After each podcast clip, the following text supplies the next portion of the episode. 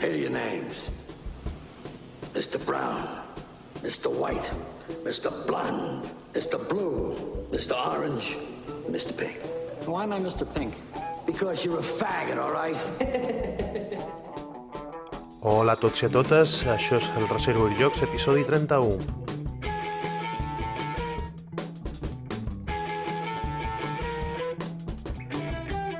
Us recordo que estem a reservoirsjocs.cat i també a Twitter, Facebook i Google+. A la nostra web podeu deixar comentaris també sobre què opineu dels, eh, dels diferents episodis i us convido també a que si encara no ho heu fet que us eh, registreu en el feed del podcast perquè directament si teniu un smartphone, un iPod o un iPad que directament us baixi el, el propi sistema, la, pro la pròpia aplicació de, de podcast que tingueu instal·lada els episodis que anem fent sense necessitat d'anar a buscar-los eh, proactivament, eh, de forma passiva us aniran arribant i així sempre esteu a la última.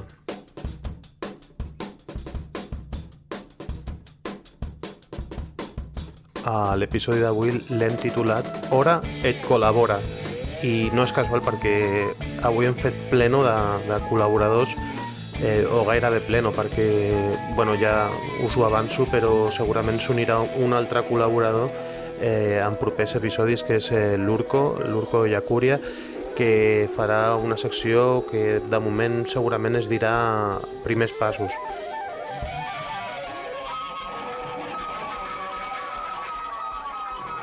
I us canto el menú d'avui. Eh, tindrem eh, al minut 5 una entrevista amb Ferran Renalias, que és membre del Club del Joc del CAE, perquè vam anar a Manresa com cada any al, al campionat eh, de Carcassonne de la Llum i bueno, li, va, li van fer una entrevista a ell que va explicar una miqueta com va anar tot allà. Eh, després, al minut 13 i mig, eh, tenim la nova secció de l'Edgar Massot, eh, llicència per jugar. Eh, superinteressant, ens explica una mica, bueno, parla de les expectatives i també parla del Glass Road de l'Uwe Rosenberg.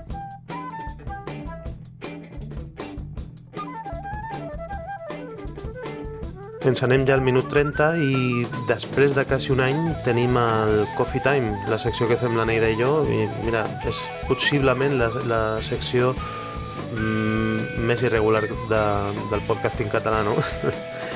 I bueno, passem després al minut 41 i mig amb el Jordi Nadal, aquest sí que té regularitat amb el seu Lost in Translation. Ens parla bastant de, per, jo crec que de per què la secció es diu Lost in Translation.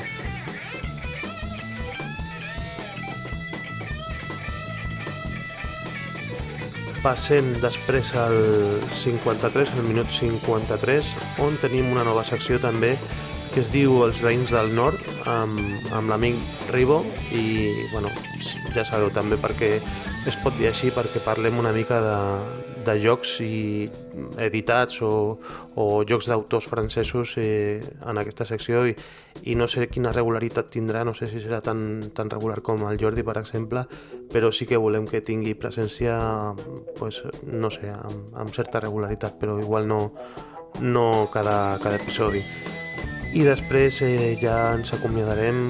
I com sempre intentem posar bona música i bueno, us expliquem una xapada. Al final ho faig amb veu baixa perquè estava gravant de nit. I bueno, és una cançó que es diu Papote de...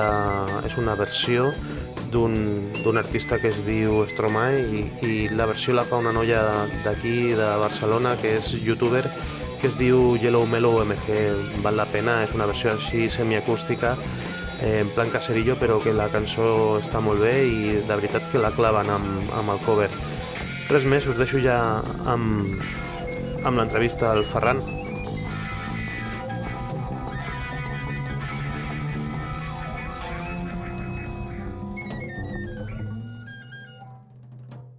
El 99% dels jocs dels que parlem al podcast els podeu trobar a les botigues patrocinadores del Reservoir Jocs, Jugar per Jugar a l'Avinguda Gaudí número 39 de Barcelona i Zigurat Jocs, al carrer Marconi número 2 de Castelldefels.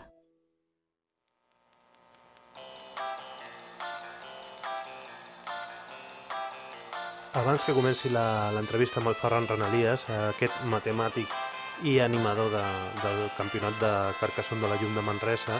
Si aneu alguna vegada al campionat sabreu qui és el Ferran, només perquè bueno, està allà darrere un ordinador portàtil i bueno, controla l'Excel, el mètode suís, però fa cunyeta i, i se li veu molt clar qui és ell, ja el coneixereu. Abans d'això, recordar-vos que a la Matent fem campionat de Catan el dissabte 1 de març i que per apuntar-vos podeu anar a la pàgina web catan2014.amatent.cat. Feu les inscripcions perquè crec que queden ja poques places, valent? Estic amb el Ferran Renalies, que és un dels membres de, del Club del, del CAE, d'aquí de Manresa. Estem al sisè torneig de la llum de Carcassonne de Manresa i esteu molt contents perquè heu batut algun rècord, no? Sí, aquest any eh, el màxim de participació eren 46 participants i aquest any hem aconseguit, mitjançant la difusió, uns 52 participants, que per nosaltres el Club del Joc del CAE de Manresa és un gran èxit i una gran, gran cosa pel nostre torneig de Carcassonne. Sí, sí, realment sí. Uh -huh. A part, també aneu afegint any rere any alguna modificació. Aquest any tenim una novetat. Sí, el, intentem, com que enfoquem el torneig de Carcassonne de la Llum, dintre les festes de Manresa de la Llum, intentem vincular el Carcassonne a la tradició manresana del miracle que va passar fa molts segles. Fa, fa cinc anys vam posar l'ampliació de, de la misteriosa llum, fa dos anys hem, vam fer l'ampliació del Bisbe Gasaran i aquest any hem presentat l'ampliació del rei Pere III, que és una petita ampliació que ja fa que el torneig de Carcassonne de la Llum sigui molt més manresà i recull la història vivent del que celebrem en aquestes festes a Manresa. Com cada any suposo que aneu disfressats, això també té punts, eh, per la gent que vingui disfressada sempre animeu, dieu que hi ha regal, no sé si després és veritat o no. Eh... Sí, realment hi ha regal, el que passa que el que pretenem nosaltres és que la gent s'ho passi sí, sí. Llavors és el tema lúdic. Si la gent ve disfressada, fantàstic.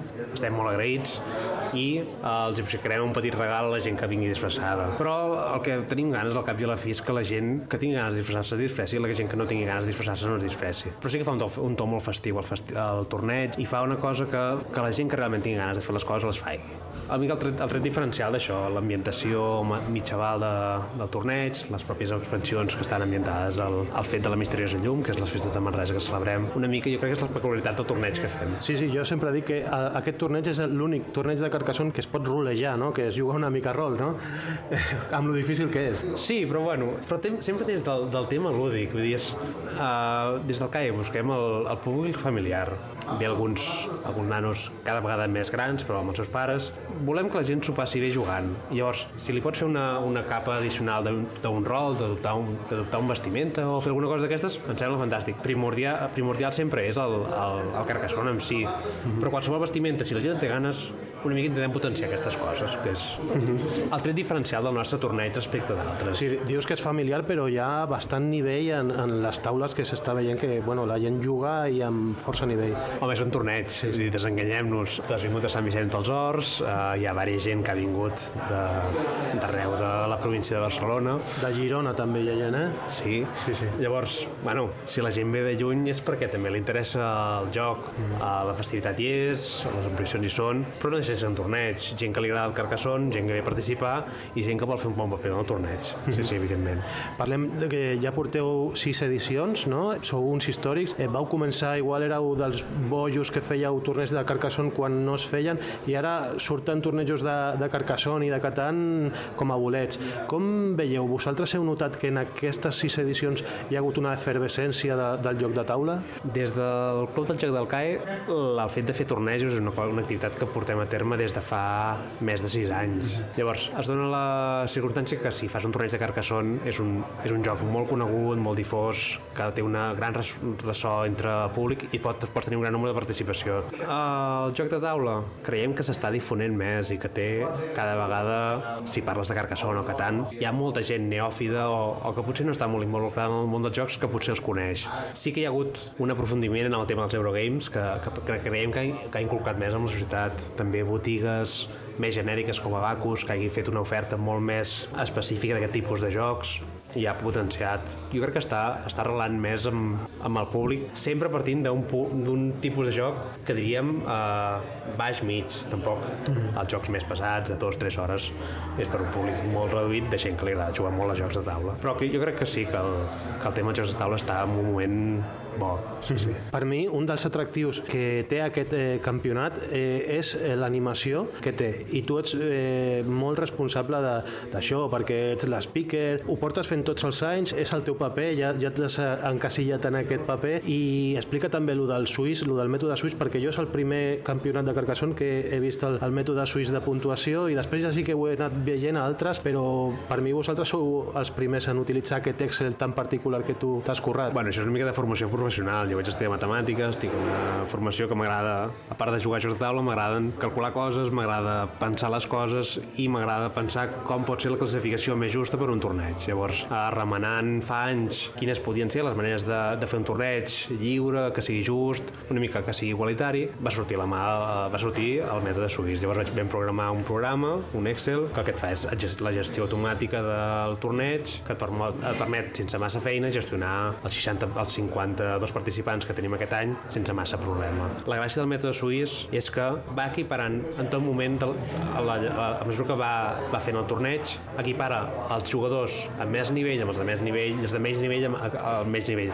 De tal forma que, teòricament, possibilita que la gent s'ho passi millor les partides, perquè són partides igual, igualitàries a nivell amb, amb la gent que jugues. Si no tens gaire nivell, jugaràs amb gent que no té gaire nivell. I si, i si vas a, a, pel torneig, estaràs en tot moment amb la gent que està a capdavantera. És una part de la gràcia d'això, que hi ha la classificació implícita tota l'estona, hi ha les partides igualitàries. La primera partida potser fan una, una pallissa que t'hi mors, però després més o menys vas jugant amb gent que està més o menys anivellada amb tu.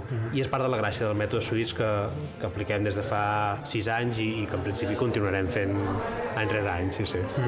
I ja per acabar, com vosaltres teniu una trajectòria organitzant el campionat, es veu, per exemple, o es nota una mica la crisi en el suport que donen les editorials, perquè igual al principi donaven més i ara menys, o igual això també és degut perquè hi ha massa tornejos i també s'han d'implicar amb tots eh, igualitàriament, no? També. Uh, estem parlant en aquest cas de De Beer, que és l'editor de, del Carcassonne. Potser el canvi que hem vist és que De Beer s'ha professionalitzat en els tornejos. Llavors ja, ja ha fet un reglament estàndard per tots els tornejos que es faiguin, són classificatoris pel Campionat d'Espanya.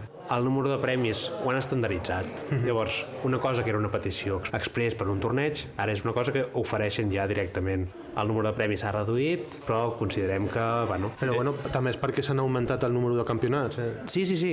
De Vir a, a sabent que, és un, que els, seus, els seus principals productes, com pot ser el Carcassonne o el, el Settlers of Catan, té molt ressò a nivell de jugadors, el que hem fet és estandarditzar molt els tornejos, obrir-ho molt i això ha implicat reduir, però igualment estem molt agraïts amb De Vir amb el suport que ens ha donat tots aquests anys, tant amb el préstec de jocs com amb, amb la sessió de premis que ens ha pogut donar i el fet de poder eh, que el nostre torneig sigui classificatori pel Campionat d'Espanya. Estàs agraït amb Devir i suposo que bueno, ja aprofitem per acabar perquè has d'anar a fer la següent d'allò. Amb qui estaries també agraït? Home, l'agraïment seria per aquí el, el local que estem cada dijous, que és la Peixera, per la disfressa, que és qui ens cedeix els, els, a l'estuari any rere any, l'Ajuntament de Manresa, que ens, que ens ajuda en les nostres activitats, i amb tot el suport que tenim de jugadors a nivell de Manresa i a nivell de Catalunya, perquè de- des del Club del Joc del CAE puguem desenvolupar la nostra activitat, que al cap i a la fi intentem difondre el joc de taula com a eina d'oci alternatiu i perquè la gent s'ho passi bé. Doncs gràcies, Ferran, i seguim jugant. Merci, moltes gràcies. Llicència per jugar.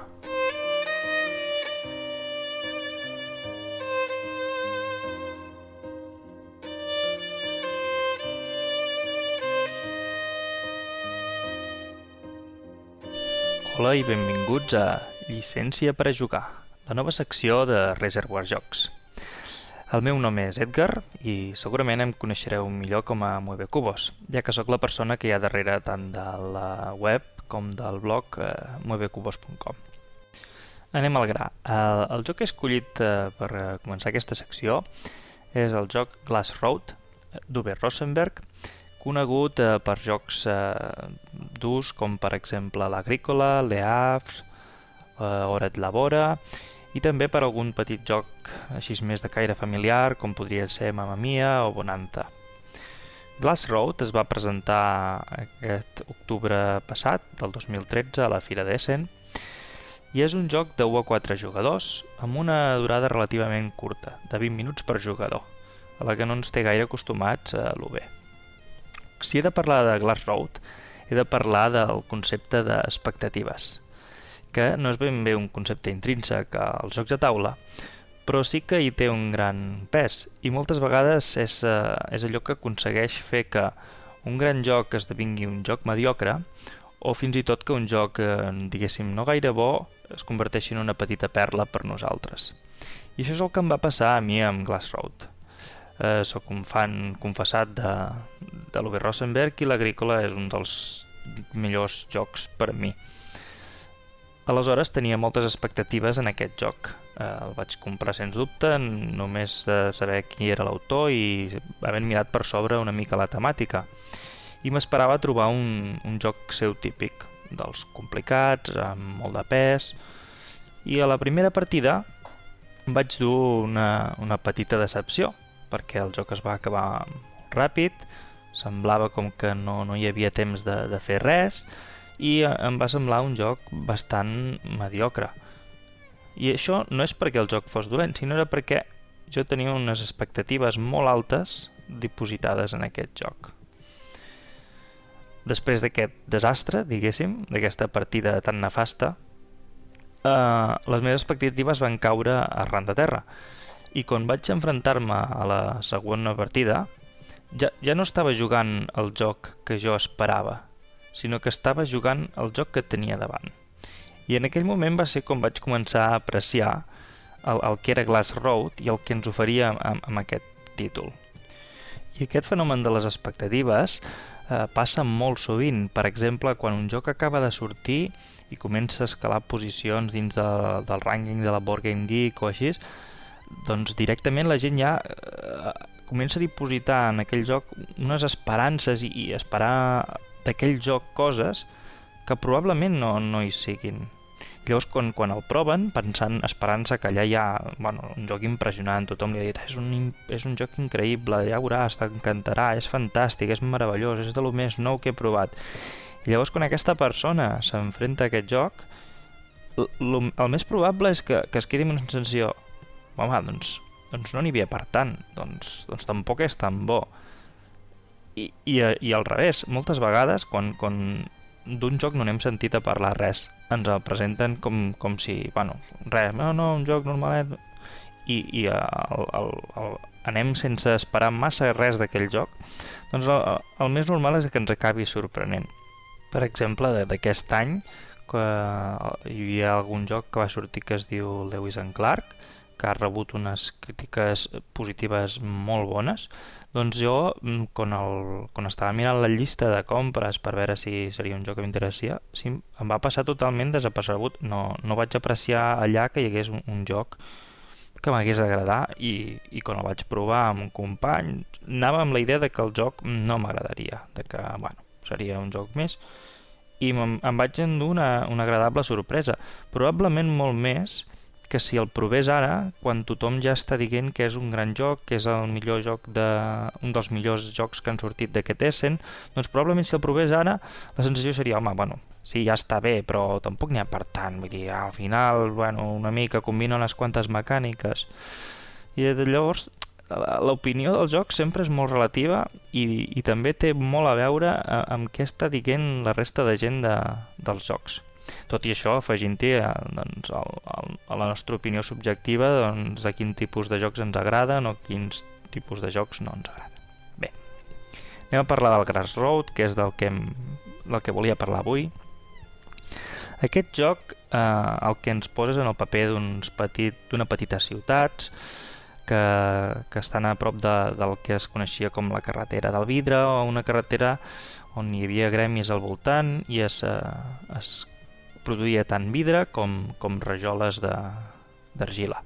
En el joc, cada jugador disposa d'un taulell individual on es veu el seu terreny, diguéssim, les, amb els boscos, amb, amb llacs, amb unes menes de, com de, de pedreres i unes arbredes, on treurà fusta, per exemple, i a més a més, a part d'això, se li dona a cada jugador 15 especialistes que podrà contractar. Cada jugador s'encarregarà de fer la planificació durant un any, que representa dividit en, en quatre trimestres, i per cada trimestre haurà de seleccionar quins d'aquests 15 especialistes, només 5 d'ells, eh, necessitarà per aquell, per aquell trimestre. D'aquests 5, en podrà executar segur, segur, només 3. Tots els jugadors eh, escullen els, eh, aquests eh, especialistes en funció de la seva planificació i un cop tothom ja té triats aquests 5 especialistes és el moment de jugar-los per, per torns. Cada jugador escollirà quin d'aquests especialistes farà servir i si és l'únic jugador que l'ha escollit, podrà executar les dues habilitats que aquest personatge té. Diguéssim, la temàtica és si durant aquell mes ningú més contracta aquell especialista, el podem tenir en exclusiva per nosaltres fent les, les dues tasques que seria capaç de fer. Mentre que si algun dels altres jugadors també havia planificat eh, de, de contractar aquell personatge, doncs aleshores ens hem de repartir i durant aquell mes, doncs, uita, la meitat per tu i la meitat per l'altre. I farà eh, mitja feina. Aleshores, és, és molt important aquesta planificació i també esbrinar les intencions dels nostres contrincants, perquè si hem seleccionat 5 cartes i només en jugarem 3, una per cada mes del trimestre, les dues extres les podrem jugar quan algun dels nostres eh, rivals la posin a la taula. Aleshores, sí que és veritat que només farem una de les dues accions, però si encertem podrem jugar aquella carta fora de torn. I a part de xafar-li una mica la guitarra al nostre oponent, ens emportarem una acció gratuïta. A part d'això hi ha un taulell central on hi ha edificis que són el cor del joc. Hi ha tres tipus d'edificis, els de producció, els immediats i els de bonus. Els de producció són edificis que podem anar utilitzant en qualsevol moment de la partida per canviar un recurs per, per, un, per altres. Els immediats ens donaran un petit benefici o gran en funció del seu cost quan els adquirim, però només en aquell moment. I els de puntuació, la seva tasca és donar-nos punts al final de la partida per diferents coses. Doncs, per exemple, un punt de victòria per cada aigua que tinguem, un punt de victòria per el llac més gran que haguem construït, i això, a grans trets, és el Glass Road. Faltaria per explicar doncs, el, el mecanisme de, de rondel que té, on es, es visualitza quina quantitat tenim de cada un d'aquests recursos i com quan eh, abans aquesta, aquesta roda, quan acumulem els diferents recursos necessaris per fer vidre, doncs directament es, es mou la, la roda disminuint tots aquests recursos en, en una unitat i augmentant la producció de vidre. I la gestió d'aquesta roda és realment molt interessant i al principi és una de les coses que costa més d'enganxar-li de, el ritme. Aleshores, eh, què és el que té aquest joc que fa que s'hagi convertit en un dels que més jugo últimament per davant de jocs com Agrícola o com altres? Doncs bé, per mi la, la clau d'aquest joc és que combina tres coses en un sol joc. La primera és que és un joc de durada molt curta en 40 minuts està tret de la caixa, jugat i tornat a guardar. I això, eh, últimament, per la meva situació familiar, doncs és una benedicció.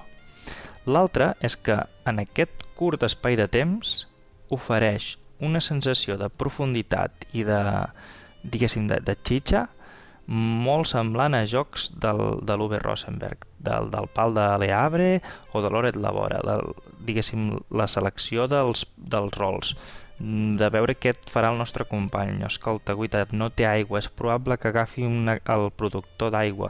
Doncs mira, l'agafaré jo també perquè quan ell la jugui no només ell no obtindrà tant, uh, tants beneficis, sinó que a més a més jo me'n podré aprofitar, que a mi també m'anirà molt bé aquesta aigua. Uh, quins edificis triarem per, per basar la nostra estratègia? Perquè de, de sortida, diguéssim, la puntuació que farem serà per producció de, de vidre, per producció de sorra i per producció de rajoles. I el, el màxim que podem tenir acumulat de vidre són 4 unitats, 3 de rajoles i 7 de sorra, que puntuen a mig punt. Per tant, de sortida podríem fer com a molt 10 punts si, haguéssim, si ens haguéssim només dedicat a produir aquests tres recursos. La gràcia està en tots els edificis de, de puntuar, que cada un d'ells ens donarà doncs, punts per moltes coses diferents. I saber quins triar i sobre quins centrar en la nostra estratègia és un factor clau de cara a guanyar la partida. I això sí, eh, si el nostre oponent està pensant en els mateixos edificis que nosaltres, doncs haurem de ser el més ràpid per aconseguir-lo. I el tercer factor és que cada partida no s'assembla a l'anterior. És a dir, els mecanismes són els mateixos, però com que les maneres de puntuar són tan diferents en funció d'aquests edificis que hagin sortit, perquè edificis n'hi ha, un, diria que són més o menys uns 25 o 30 de cada tipus, que us he dit abans. Aleshores, en, en surten 4 de cada disponibles i a mesura que es vagin fent servir es tornen a omplir. Doncs en una partida sortiran uns edificis i en una altra uns altres. La, aleshores, la manera de puntuar, com que serà diferent, doncs mira, en aquesta ronda ha sortit que si fas un llac eh, molt gran, doncs un punt per cada casella que el formi. Doncs aquestes, aquesta partida triaré unes professions i triaré uns edificis i unes cartes centrats en això. Mentre que la següent partida, si em diu, escolta, eh, et donaré un punt per menjar que tinguis al final de la partida. Doncs el, el, la sensació i el que faré i com quedarà el meu taulell de joc al final de la partida serà totalment diferent. I aquestes tres, eh, com, aquests tres factors el converteixen per mi en un joc molt, molt divertit per, per tot això. És eh, ràpid, eh, té la profunditat que no trobaríem potser en un joc mm, de la mateixa durada tipus filler, com podria ser un Jaipur o una cosa d'aquestes més senzilletes per, per jugar i que, i que pots potser, diguéssim, acabar avorrint-te perquè el, el desenvolupament sempre és el mateix, sempre és l'objectiu sempre és el mateix, la, eh, vale que les cartes no sortiran al mateix ordre, però bueno, una mica la sensació és aquesta de, de quan has fet dos o tres partides de sempre estar fent el mateix. En canvi aquí és, eh, varia moltíssim. Això el que el situa a l'alçada de jocs com l'Agrícola, com l'Eabre? Home, doncs potser no. I si teniu te el temps per, com per desenvolupar un, tot un Leabre o un Hora Labor o una Agrícola, doncs probablement preferiu continuar fent-ho, perquè són jocs que per la seva durada doncs, et permeten una, com a estratègies més a llarg termini eh, i, i planificar més les coses, treure més el suc a les cartes i a les habilitats, i aquí has d'anar cara a barraca. Vull dir, eh, la primera partida una de les coses que em passava era això, comprava un edifici esperant fer-lo servir 5-6 vegades i amortitzar-lo. En, en 4 rondes és impossible. Un edifici potser el farà servir 2-3 vegades. Aleshores, quan veus el taulell i els edificis, el plantejament ja és totalment diferent.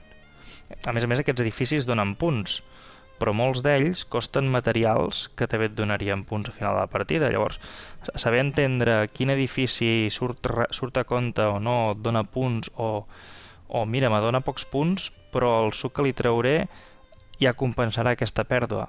Doncs és el que fa que, que es converteixi en, en un joc molt, molt interessant per mi. En quant a components, és un, és un joc excel·lent. Eh, la caixa és de la mateixa mida, diríem, mida agrícola, potser un pelet més prima, però porta quantitats industrials de cartró de molt bona qualitat, eh, els taulells aquests amb els rondels per, per ficar tots els recursos i espero que, el, que alguna editorial espanyola s'animi a treure-la al mercat, tot i que la seva dependència de l'idioma no és molt gran, hi ha, hi ha eh, el text en les cartes, molt poquet, la majoria són símbols però una, una mica de text sí que hi ha.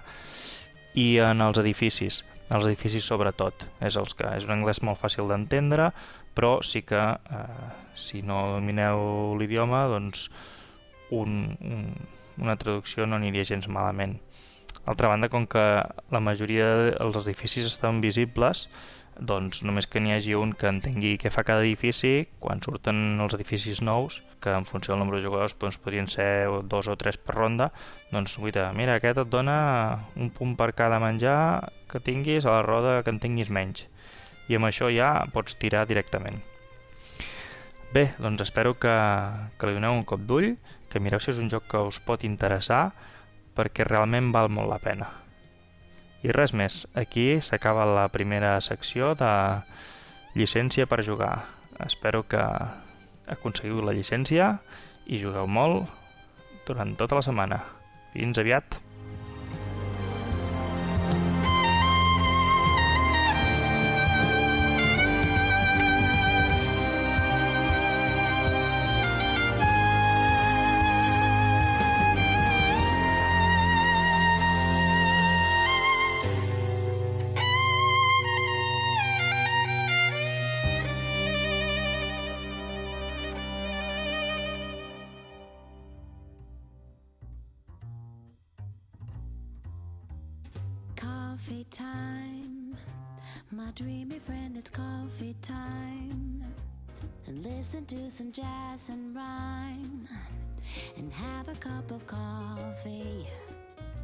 Amics, estem un altre dia en el Coffee Time amb, amb la meva companya, amb la Neida. Hola Neida. Hola. Avui bueno, hem fet el cafè i també hem fet una partida a dos jugadors, eh, com a tots aquests Coffee Times que fem, a un joc eh, que es diu Gypsy King.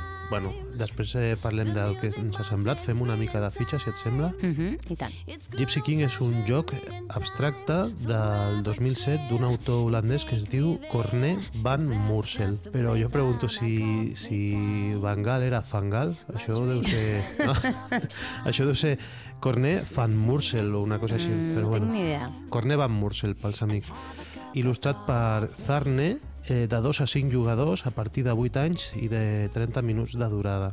És un joc de majories, de construcció de rutes i a la BGG posa també com a mecànica tauler modular, tot i que el tauler modular bueno, no seria una mecànica, sinó que seria un, bueno, una característica. No? Uh -huh. I bé, hem fet una partida... Bueno, ja no, no hem fet una partida, va, Un altre cop és la segona partida la segona que fem. partida, sí que és, jo penso que està millor per provar-ho. I bueno, és la segona partida i què t'ha semblat a tu, Eneida? Bé, el primer cop vaig dir, bueno, mm, està bé, sin más, no? Però la veritat és que aquesta segona partida m'ha agradat i penso que sí que té... Bueno, que, que és entretingut i que se li pot donar una oportunitat.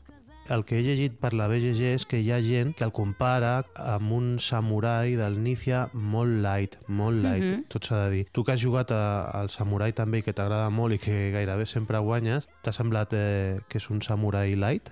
Podria ser. El que passa que això, al samurai jo crec que hi ha molta més, eh, com li diu això, no? De que et pares molt a pensar, Anàlisi paràlisi? anàlisi paràlisi i penses que "Ah, si això ho faig malament ja potser perdré la partida aquí.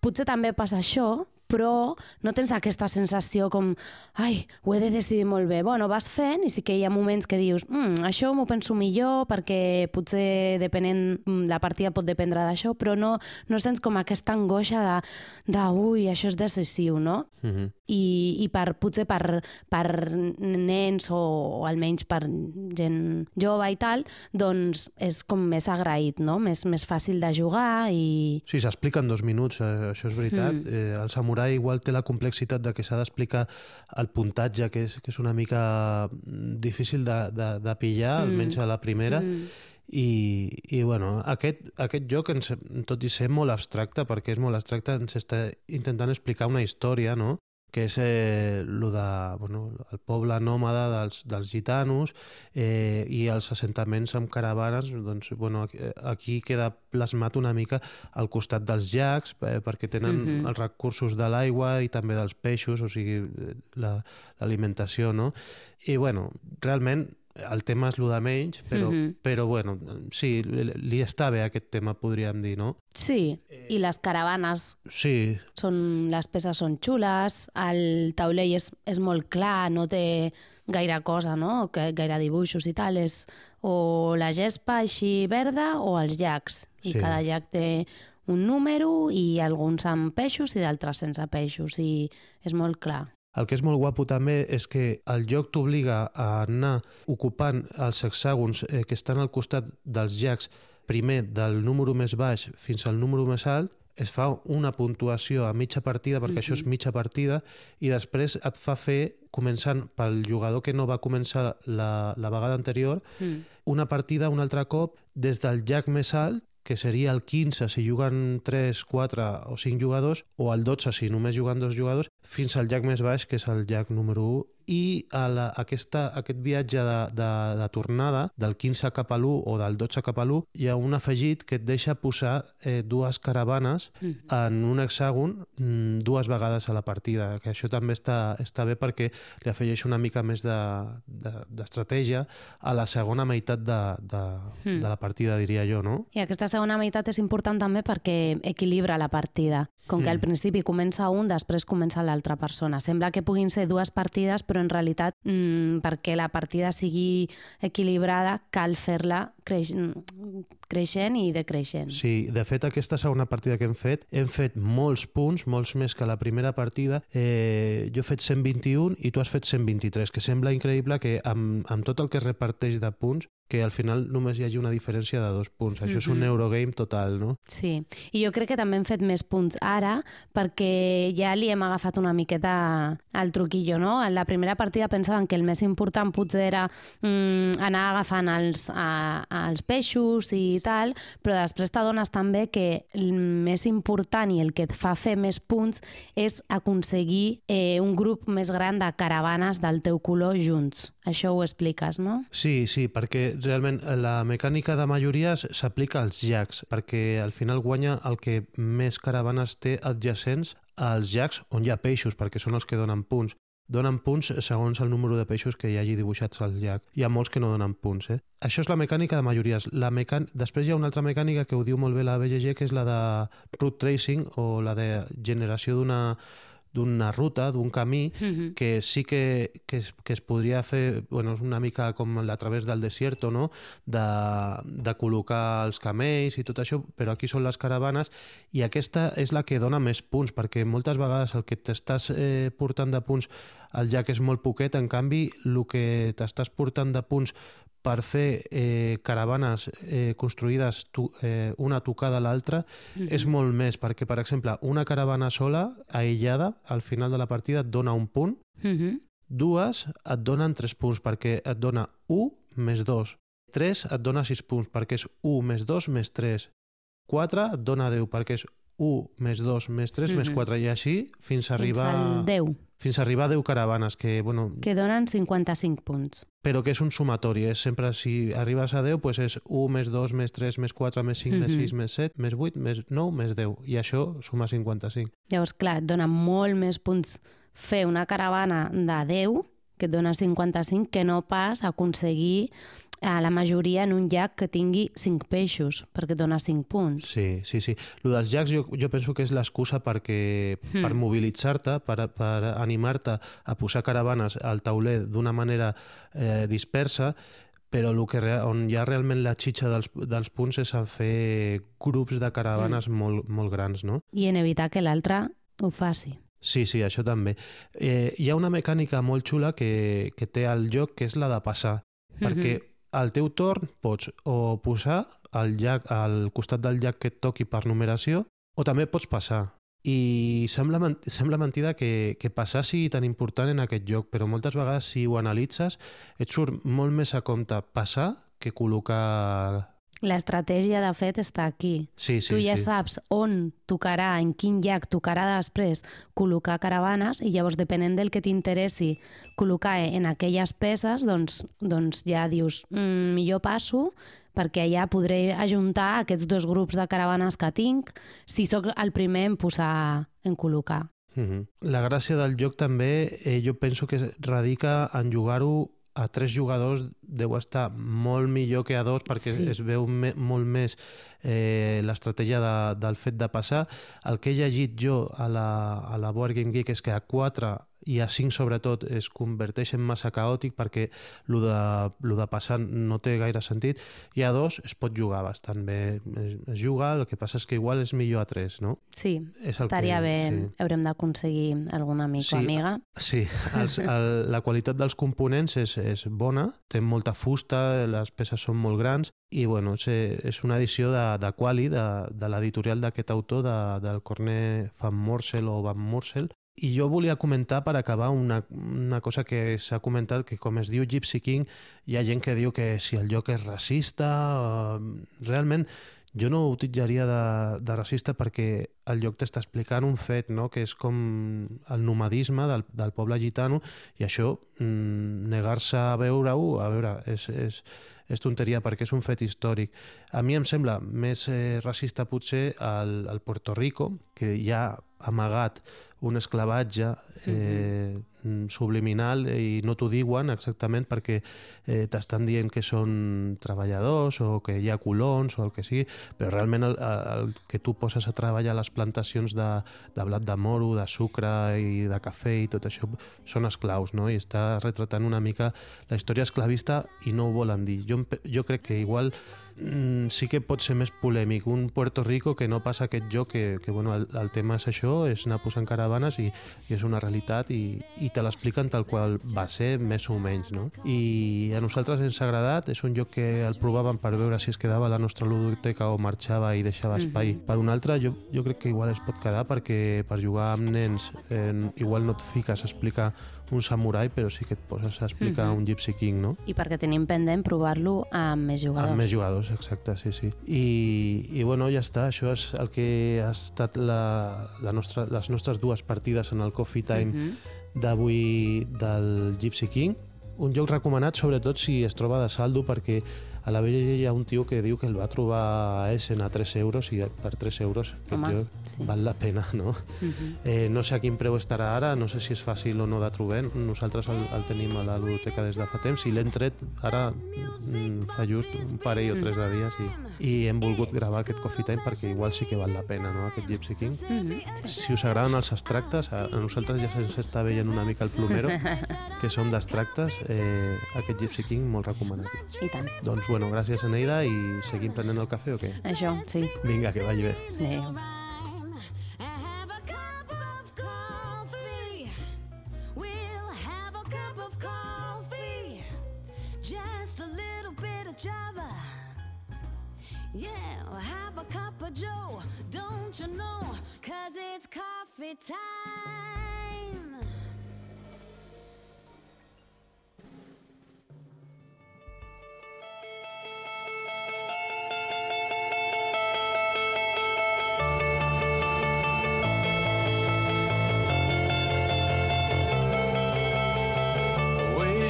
Què tal companys? Benvinguts a la secció Lost in Translation. Us parla Jordi Nadal. Aquí ja sabeu que parlem de les meves experiències lúdiques que estic tenint a l'estranger. Jo ara mateix estic vivint a Hongria i aquí fem pues, bastantes partides, però aquí es parla hongarès, jo no parlo hongarès, etc, etc, etc. Ja sabeu de què va el tema. I bé, per començar volia parlar... Bueno, normalment sempre començo parlant d'un tema, avui farem una excepció i res, començaré a comentar una partida que vaig fer no fa gaire. Eh, la tinc bastant fresca i em ve de gust comentar-la. Vaig jugar a l'Small World, eh, és un joc de... no sé de quin any, bueno, ja té bastants anys, és bastant conegut, així que no explicaré gaire de què va. Només comentar que és un joc de conquista de territoris, no hi ha daus, jo crec que intenta ser una espècie de nou risc. Bueno, jo què sé, potser no, però és igual. És un joc de conquista nosaltres vam jugar l'expansió que es pot jugar amb 6 jugadors. El joc és de 2 a 5 i això, amb l'expansió del Nigromante es pot jugar fins a 6 jugadors. En aquesta expansió un dels jugadors porta el Nigromante que bàsicament té unes condicions de victòria totalment diferents als altres jugadors. Per guanyar aquest joc s'ha de fer punts i com s'aconsegueixen punts? Doncs al final del torn de cada jugador, per cada territori que té li donen un punt bueno, que són unes monedetes. I amb aquestes monedes també es poden comprar exèrcits i pots declinar els que ja tens. Quan declines un exèrcit doncs es queden allà sense fer res i tu agafes un altre i el mous per allà. És les característiques d'aquest joc. Res, només comentar que pues, jo només començar vaig agafar les Amazones amb... que tenien l'habilitat aquesta que pots tenir dos exèrcits declinats alhora i clar, al, en el moment que vaig agafar aquests els primers doncs ja tenia clar que volia declinar eh, dos races. Normalment, no sé, jo era només la meva segona partida, així que tampoc sé el que es fa normalment, però jo crec que declinar tres cops és massa. Suposo que el normal és un o dos o bueno, potser tres, no sé, però és que clar, si declines perds un torn i la partida només té 8 torns com més declinis pitjor, però si no declines et quedes sense tropes, llavors has de buscar l'equilibri. Però clar, jo això, vaig trobar aquest exèrcit que podia declinar dos cops i se'n mantenien les tropes sobre el taulell.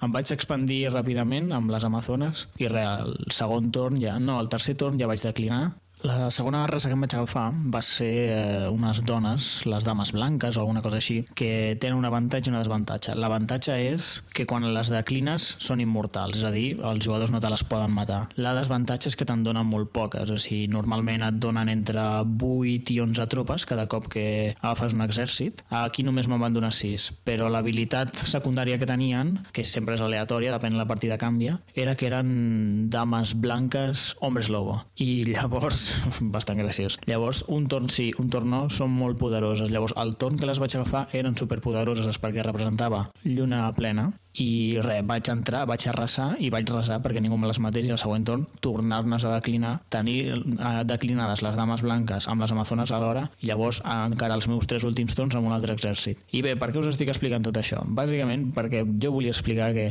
que em vaig currar bastant l'estratègia, crec que vaig jugar força bé i tot això no vaig guanyar. Per què no vaig guanyar?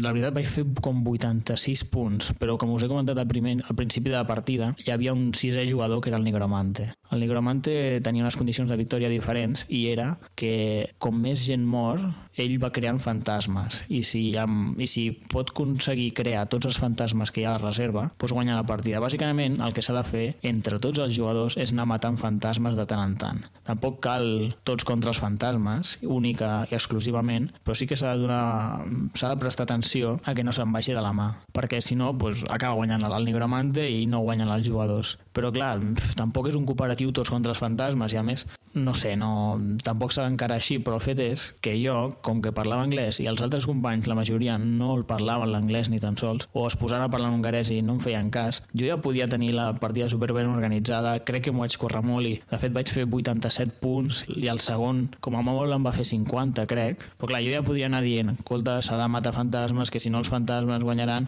bla, sí, no sé què, no, no, ni puto cas. No és que no em feia... o sigui, i la meva reflexió és i per això he començat parlant d'un joc perquè uh, la reflexió venia arrel del joc. No és tan important a vegades l'estratègia i les eleccions és tan important parlar i el diàleg en la majoria de jocs excepte els Eurogames purs i durs. És tan important el convèncer manipular, extorsionar. Sí, la veritat hòstia, no, si m'ataques aquí després et rebento o coses, coses d'aquestes, sí, és molt típic però a la majoria de jocs que són una mica així més aleatoris és que ja, ja no depens de tu mateix. I depens de, del, del que fan els altres. Sobretot en aquest joc es depèn molt de passar inadvertido i a més tots els, els últims torns sempre passa el mateix. Has d'anar en compte de no fer molts punts perquè si fas molts punts ostres, aquest està fent molts punts, tots a parell, i això va passar, eh? però tot i així, com que m'ho havia organitzat bé, les dames blanques aquestes eren immortals, no me les podien matar i els exèrcits els tenia força bé. Tot i això no em van poder rebentar, però clar, es van obsessionar de està fent molts punts, anem a parell, anem a parell, van passar els fantasmes, jo intentava defensar-me dient guanyarà el tio, guanyarà el Nigramante, anem d'anar en compte amb els fantasmes, però ja us dic, la meva làbia en anglès no és la mateixa que en català o en castellà, llavors estava venut. I res, la conclusió és que tot i fer una bona partida estratègicament, crec jo, bueno, i els números ho demostren, vaig fer un porró de punts. Eh, tot i fer una bona partida, vaig acabar perdent perquè no vaig saber convèncer a la resta de jugadors que l'amenaça principal eren els fantasmes i res, així va anar la partida. I això m'ha passat a més jocs i sobretot en els jocs cooperatius. En els jocs cooperatius eh, és quan la gent més parla i més ràpid intenta pues això, convèncer els altres i tal eh, si estàs jugant amb gent que no parla el teu idioma, que han de canviar l'anglès per fer-te entendre, mm, en els jocs cooperatius quan m'he sentit més desplaçat, més avorrit, i és que no és culpa seva, ho, ho entenc 100%, o sigui, és normal, eh, estan parlant i s'han de dir moltes coses i volen convèncer els altres de que la seva opinió, opinió és la millor, però clar, estàs tu allà que també vols dir la teva, ho dius en anglès, normalment eh, s'esperen aquest toc i tu i llavors et pregunten què vols fer i tu llavors els proposes el teu argument però clar, ja entre tots ja han decidit què es farà en general, ja no té gaire pes el, el que tu vulguis dir. Això ho dic arrel de que vaig jugar al Descent, al Descent, eh, és que l'altre dia m'he que no es diu Descent, és Descent, bueno, és igual, com, com es digui, dona igual. El, vam, vam jugar al Descent, el tema va ser que no em van fer gaire cas, em vaig sentir una mica apartat, em, em vaig avorrir, avorrir força, perquè clar, és que és normal, eh? però a la partida érem quatre herois, dels quatre herois només un, que era amic meu, el Gergo, parlava molt bé l'anglès, els altres dos no el parlaven gaire, i llavors estan parlant tota l'estona en hongarès, jo no podia dir la meva i uf, per estar allà què vols fer, Jordi? És el teu torn. Doncs pues, clar, si no em sincronitzo bé amb els altres, tampoc li puc treure suc al meu personatge. I mira que jo crec que tenia el millor personatge de tots. I no perquè jo l'hagués creat, sinó que vaig tenir sort, vaig agafar, doncs mira, m'agrada aquest, m'agafaré el paladín. I vaig escollir bé les habilitats i cada torn matava moltíssima gent. I bueno, amb això sí que m'ho vaig passar bé, però és que és superimportant la interacció amb els altres, poder eh, convenç a donar la teva opinió, tu ves aquí, tu ves allà, i clar, és que al cap i a fi entre tots decidien i es posaven a parlar en hongarès i després m'ho havien de dir. I clar, jo molts cops tenia alguna cosa millor a dir, ho deien en anglès però era com un, bueno, sí, ja ho hem decidit, és igual, fem això que ja està, si no s'allarga molt no, la partida, bueno, doncs sí, és igual. Uh, tenia la sensació que la meva opinió no, era, no estava valorada. Llavors el que he fet bàsicament és rebutjar els cooperatius, ja no hi torno a jugar, i mira que m'estava agradant el Descent, però res, vam fer tres missions i, i ja, en vam, ja en vam tenir prou. Jo em vaig cansar pel tema de, de ser un cooperatiu de que no podia dir gaire la meva, i els companys, no sé, es van avorrir del Descent, no... aviso, no sé, hi ha gent que li agrada, hi ha gent que no, i en aquest cas no ens va sortir gaire bé, o sigui, a la tercera partida ja van decidir deixar jugar. Però sí, jo ja ho tinc com a, après per pròximes partides intentar no jugar cooperatius a no ser que parlin realment bé l'anglès.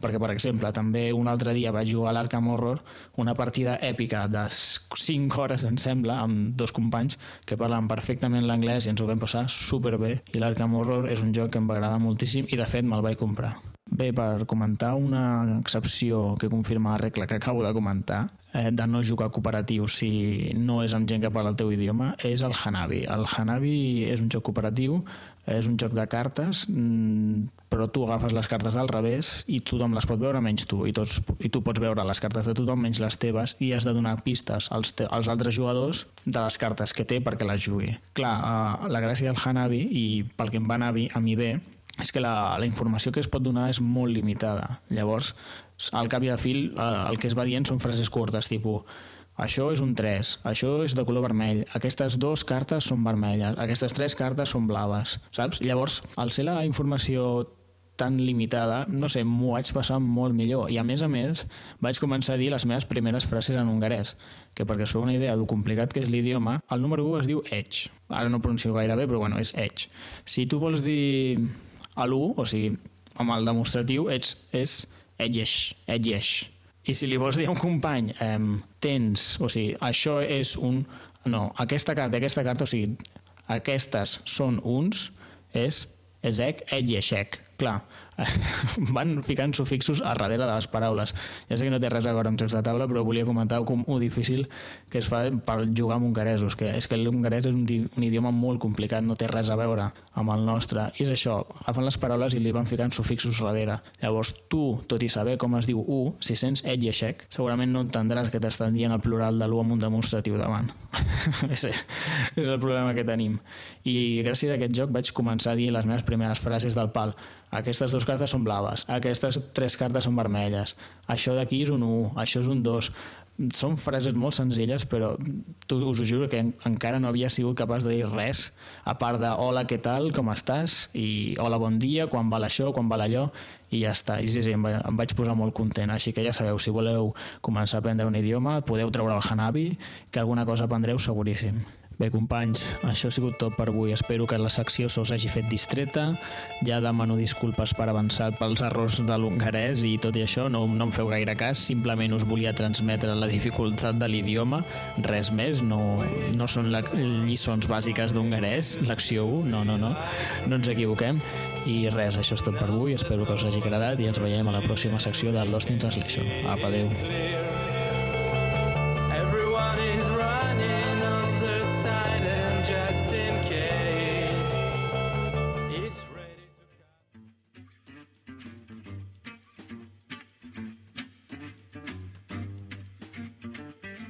Els veïns del nord.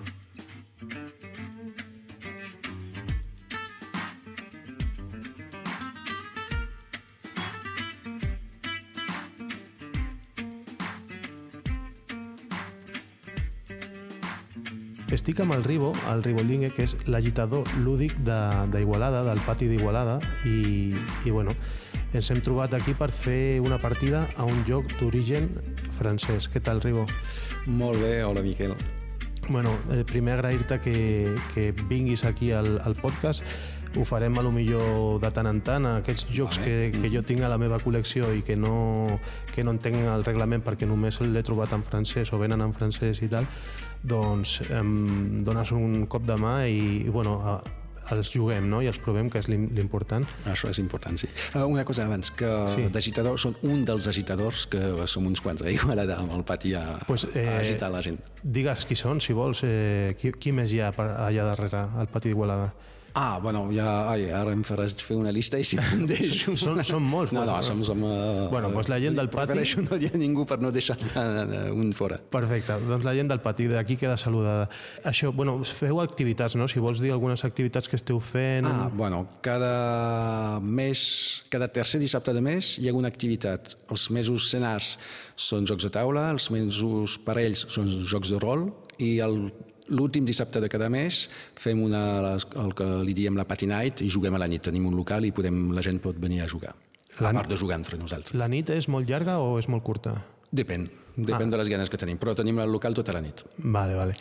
Doncs, eh, bueno, anem... Ah, també et volia preguntar, ara que estem parlant del pati, de, de com va sortir el tema de, de portar el Toni Serra de Sant Fern allà a provar el Victus... Ah, molt bé, molt bé. Va, va tenir molt d'èxit, la gent va ser interessada, sobretot a veure un, com es fa un joc, no? perquè al pati ens agrada, hi ha, hi ha molta gent que ve que mm, es desconeix molt el món dels jocs, i el fet de poder veure un prototip i veure la- l'autor del joc i provar-lo els hi va agradar molt. I també va venir l'Ivan Prat amb el, Ah, sí, amb el, amb el, set, bueno, el cas dels cas dels catalans. catalans Sí. i bueno, va ser una petita trobada molt interessant aquesta, és veritat.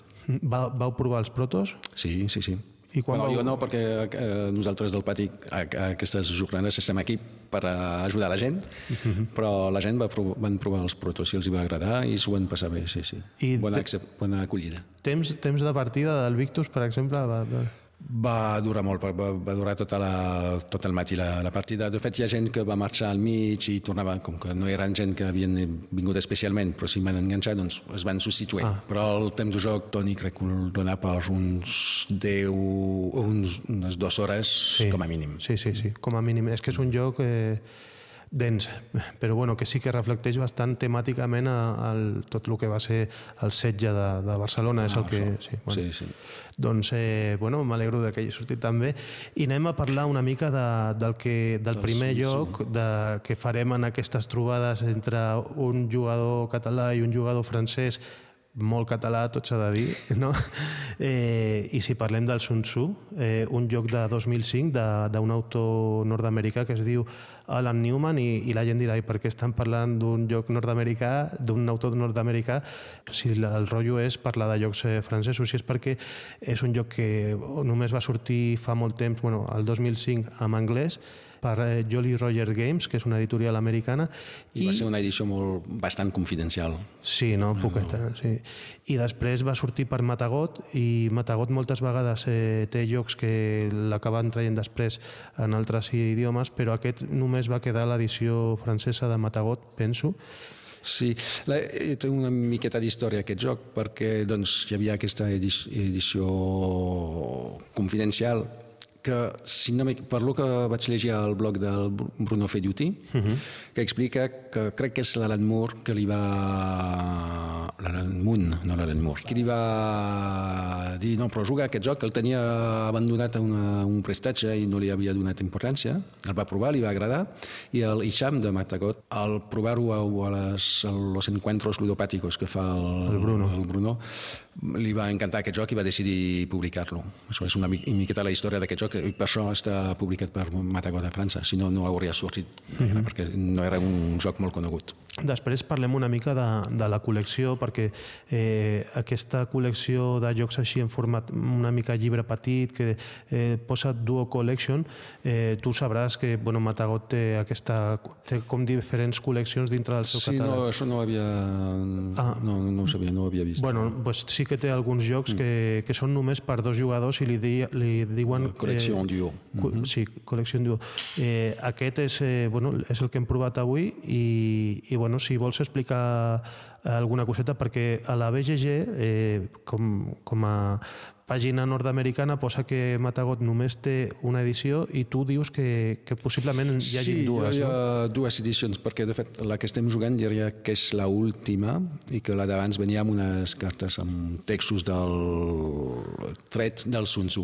Perquè la primera edició del, de l'americà, el mapa eren províncies inventades, o sigui, eren províncies xineses però que havia agafat eh, al llarg del temps, o sigui, entre el, no sé, entre la- l'edat la edat mitjana i uh l'època moderna. Sí. I a Matagot ho han canviat això i han fet tot d'una mateixa època. S'han documentat i, i l'han estandarditzat d'una època, que és aquesta, del Sun Tzu.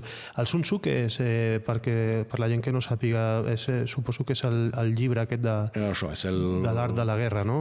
Ah, això, el, el recull de, de, de pensament d'aquest general xinès que va, va escriure aquest llibre sobre l'art de la guerra. I justament amb la primera edició de Matagot sortien eh, citacions del Sun Tzu a cada carta i ara ja no, ja no hi són. De fet, és curiós perquè a les instruccions d'aquesta edició que tenim aquí, que no surten els textos a les cartes, eh, a les instruccions sí que surten les cartes sí. amb, amb, el, amb, amb el text. No? I amb el PDF que, que tenen també a la, a la web de Matagot, eh, també surten les cartes amb el És la text. mateixa. Suposo que han- s'han quedat la, la edició, la primera edició de, la, la, Sí. de les instruccions. Eh, això, per la gent que... És, és interessant per la gent que, que ho escolti, perquè eh, si compren ara l'última edició del Sun Tzu de, de Matagot, és totalment, és un joc independent de l'idioma a l'hora de jugar. Només tindreu el tema de les instruccions que eh, estan en francès, les instruccions, i però que es pot mirar per la BGG amb les del Dynasties, que és com es deia inicialment al joc, a veure, més o menys podeu fer una mica, també crec que hi ha una traducció al castellà, però estaria molt bé que algú fes la traducció de, de, al castellà o al català de, de les regles del Sun Tzu. A veure si tenim temps i ens hi posem. Sí. La veritat, bueno, parlem una mica de, del joc, o si vols, si saps Sí. algun detall més de la història o... Ah, no, no, només això que... Estava a la, a la ludoteca ideal del Bruno, no? Sí, mm. és allà on eh, vaig trobar aquesta informació sobre el joc. El que passa és que parlant d'això de la ludoteca ideal del Bruno Faiduti, has dit que ja no existeix ara ja la no, pàgina. Ja s'ha mort.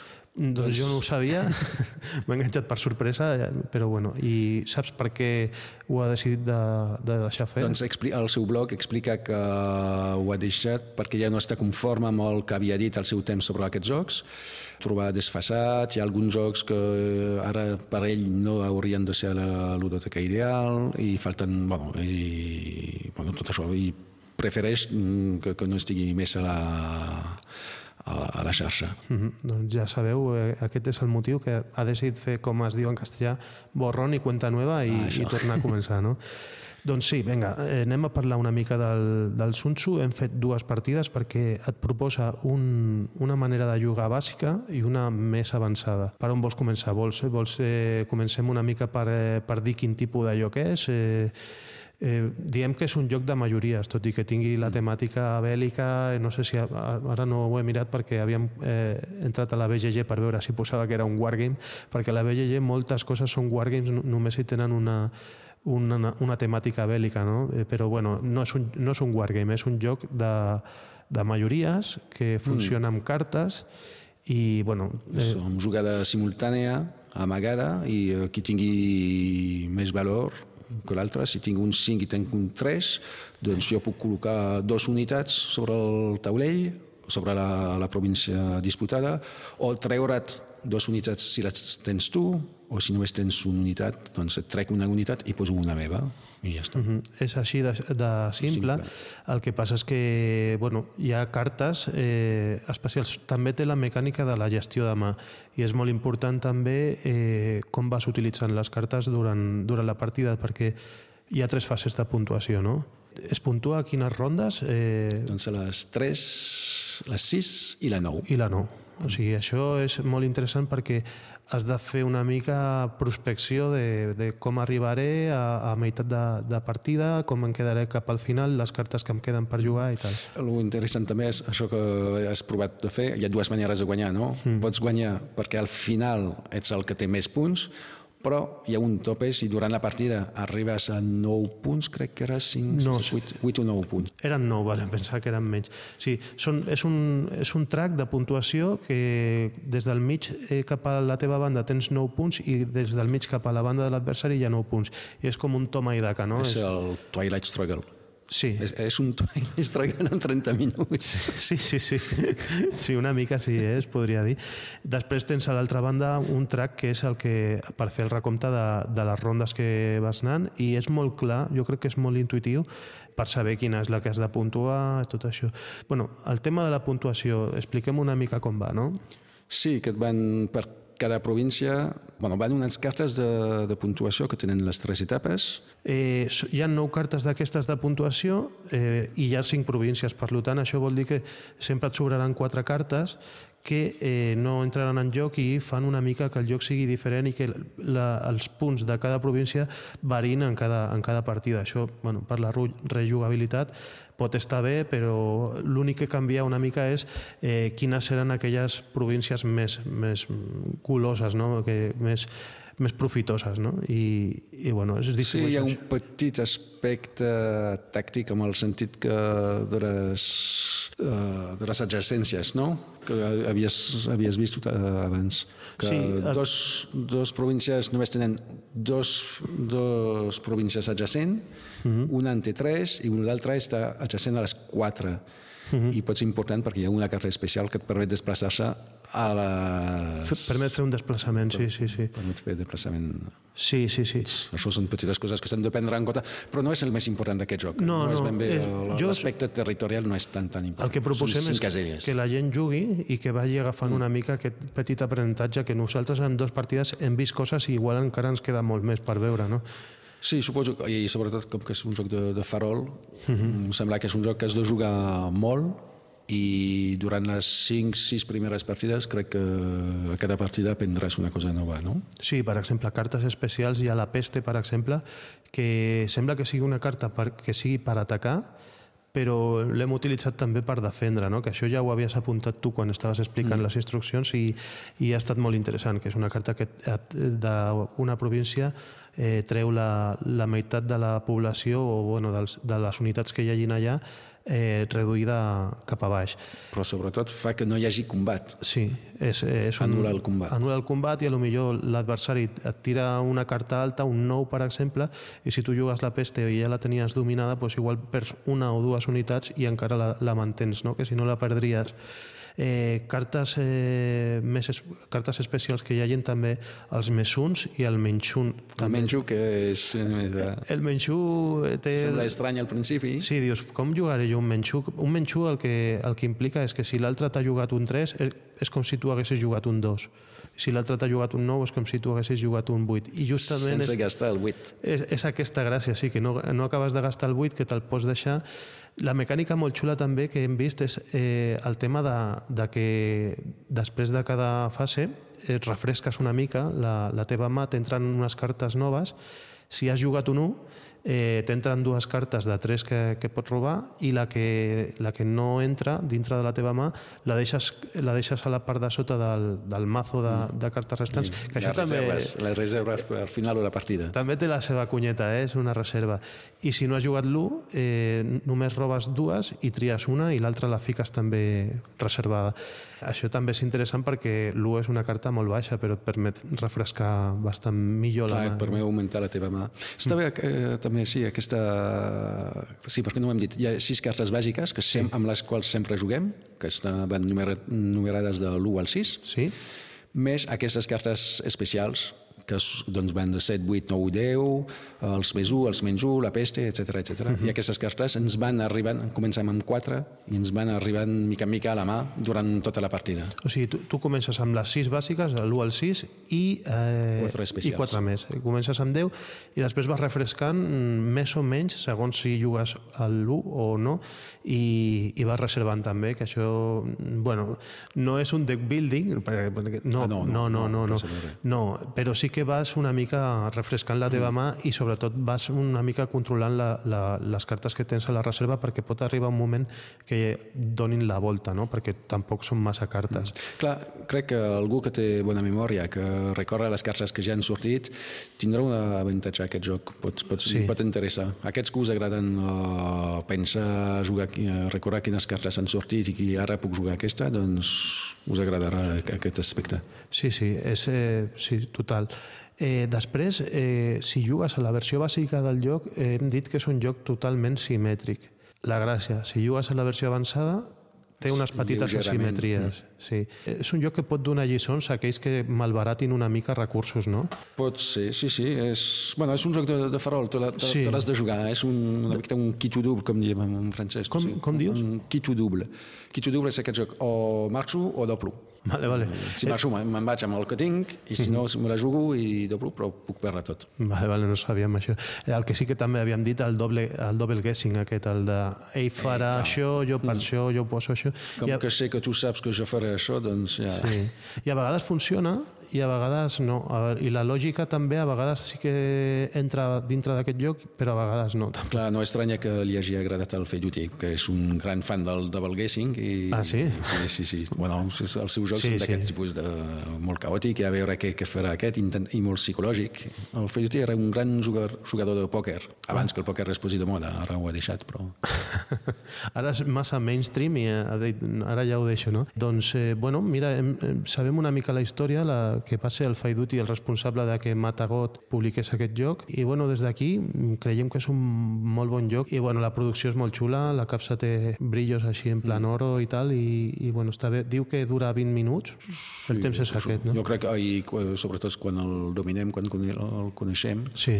ja jugues pam, pam, una miqueta més automàticament, no? A mi m'ha agradat molt el, el, la definició aquesta que has dit que és un Twilight Struggle sí. de 20 minuts. No, sí, sí, és que m'ha m'ha vingut la, una miqueta la imatge, no?, del Twilight Struggle. Sí, sí. Bueno, doncs, eh, això és el, el que hem pogut eh, valorar. Esbrinar, esbrinar del Sun Tzu, hem de Del jugar més. Sun hem Tzu. Sí, hem de jugar més, sí. M'ha deixat Sí. amb ganes de, Sí, de sí, més, sí. eh? I per dos jugadors està força bé, la veritat. A veure si la gent, si escolta això i té ganes d'un joc petit i... No sé, el preu crec que està sobre uns 19 euros, una cosa així, que també, bueno, és- no està malament.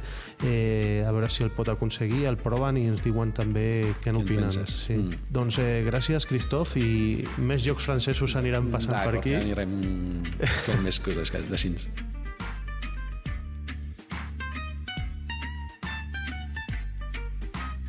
Poc després de gravar la secció, eh, el Ribo em va comentar pel mail que, bueno, que s'ha enterat que Matagot està preparant per Cannes 2014, aquest festival que està aquí a tocar, una versió de luxe del Sun Tzu, així que ja sabeu que segurament tindreu disponible el joc en aquesta nova versió.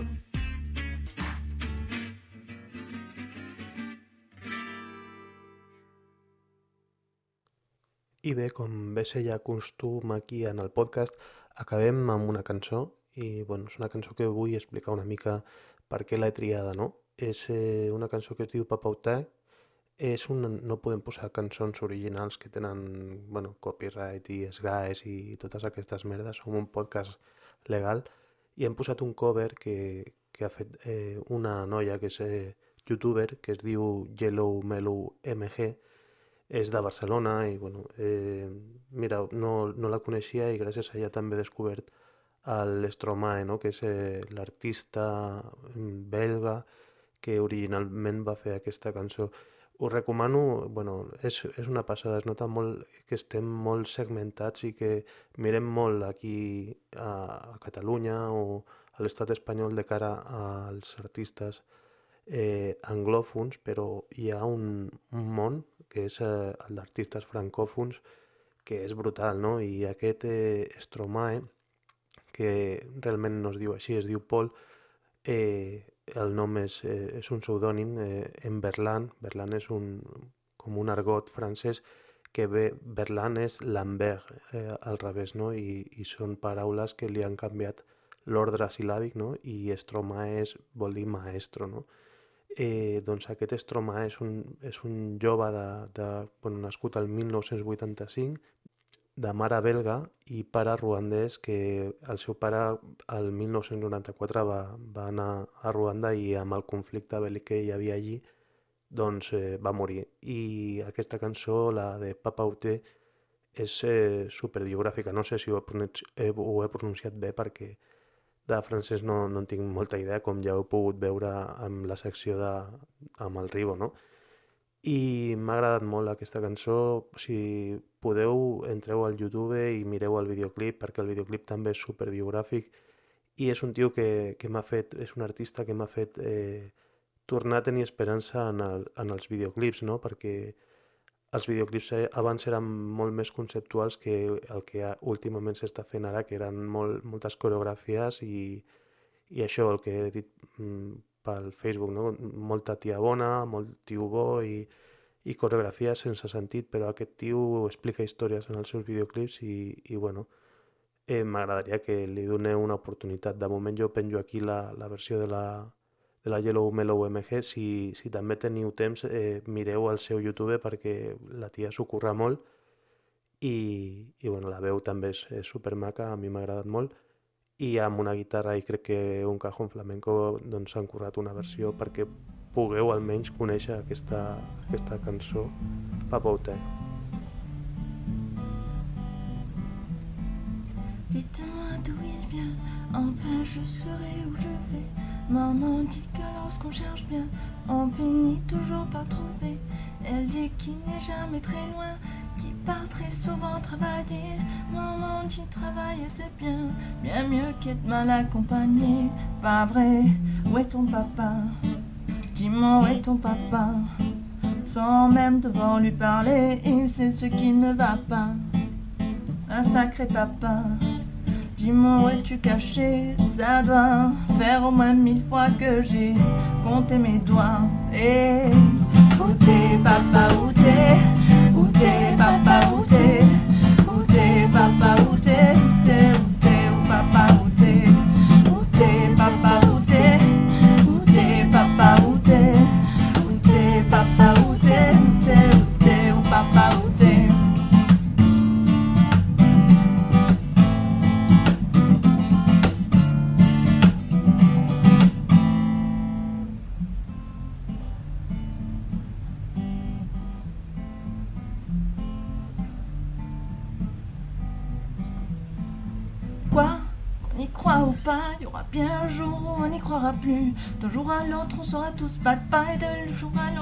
disparu.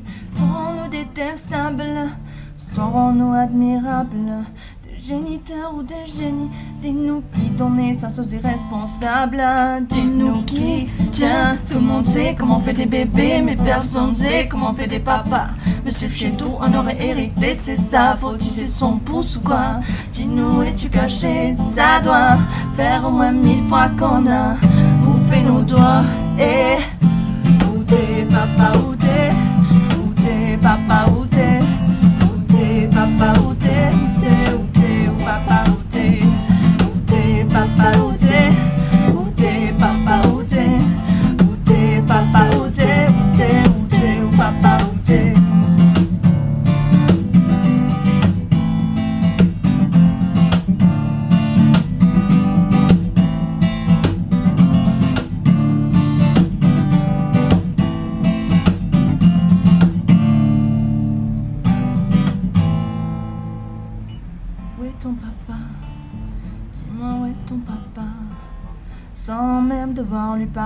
Il sait ce qui ne va pas. Un sacré papa. Dis-moi où es-tu caché? Ça doit faire au moins mille fois que j'ai compté mes doigts.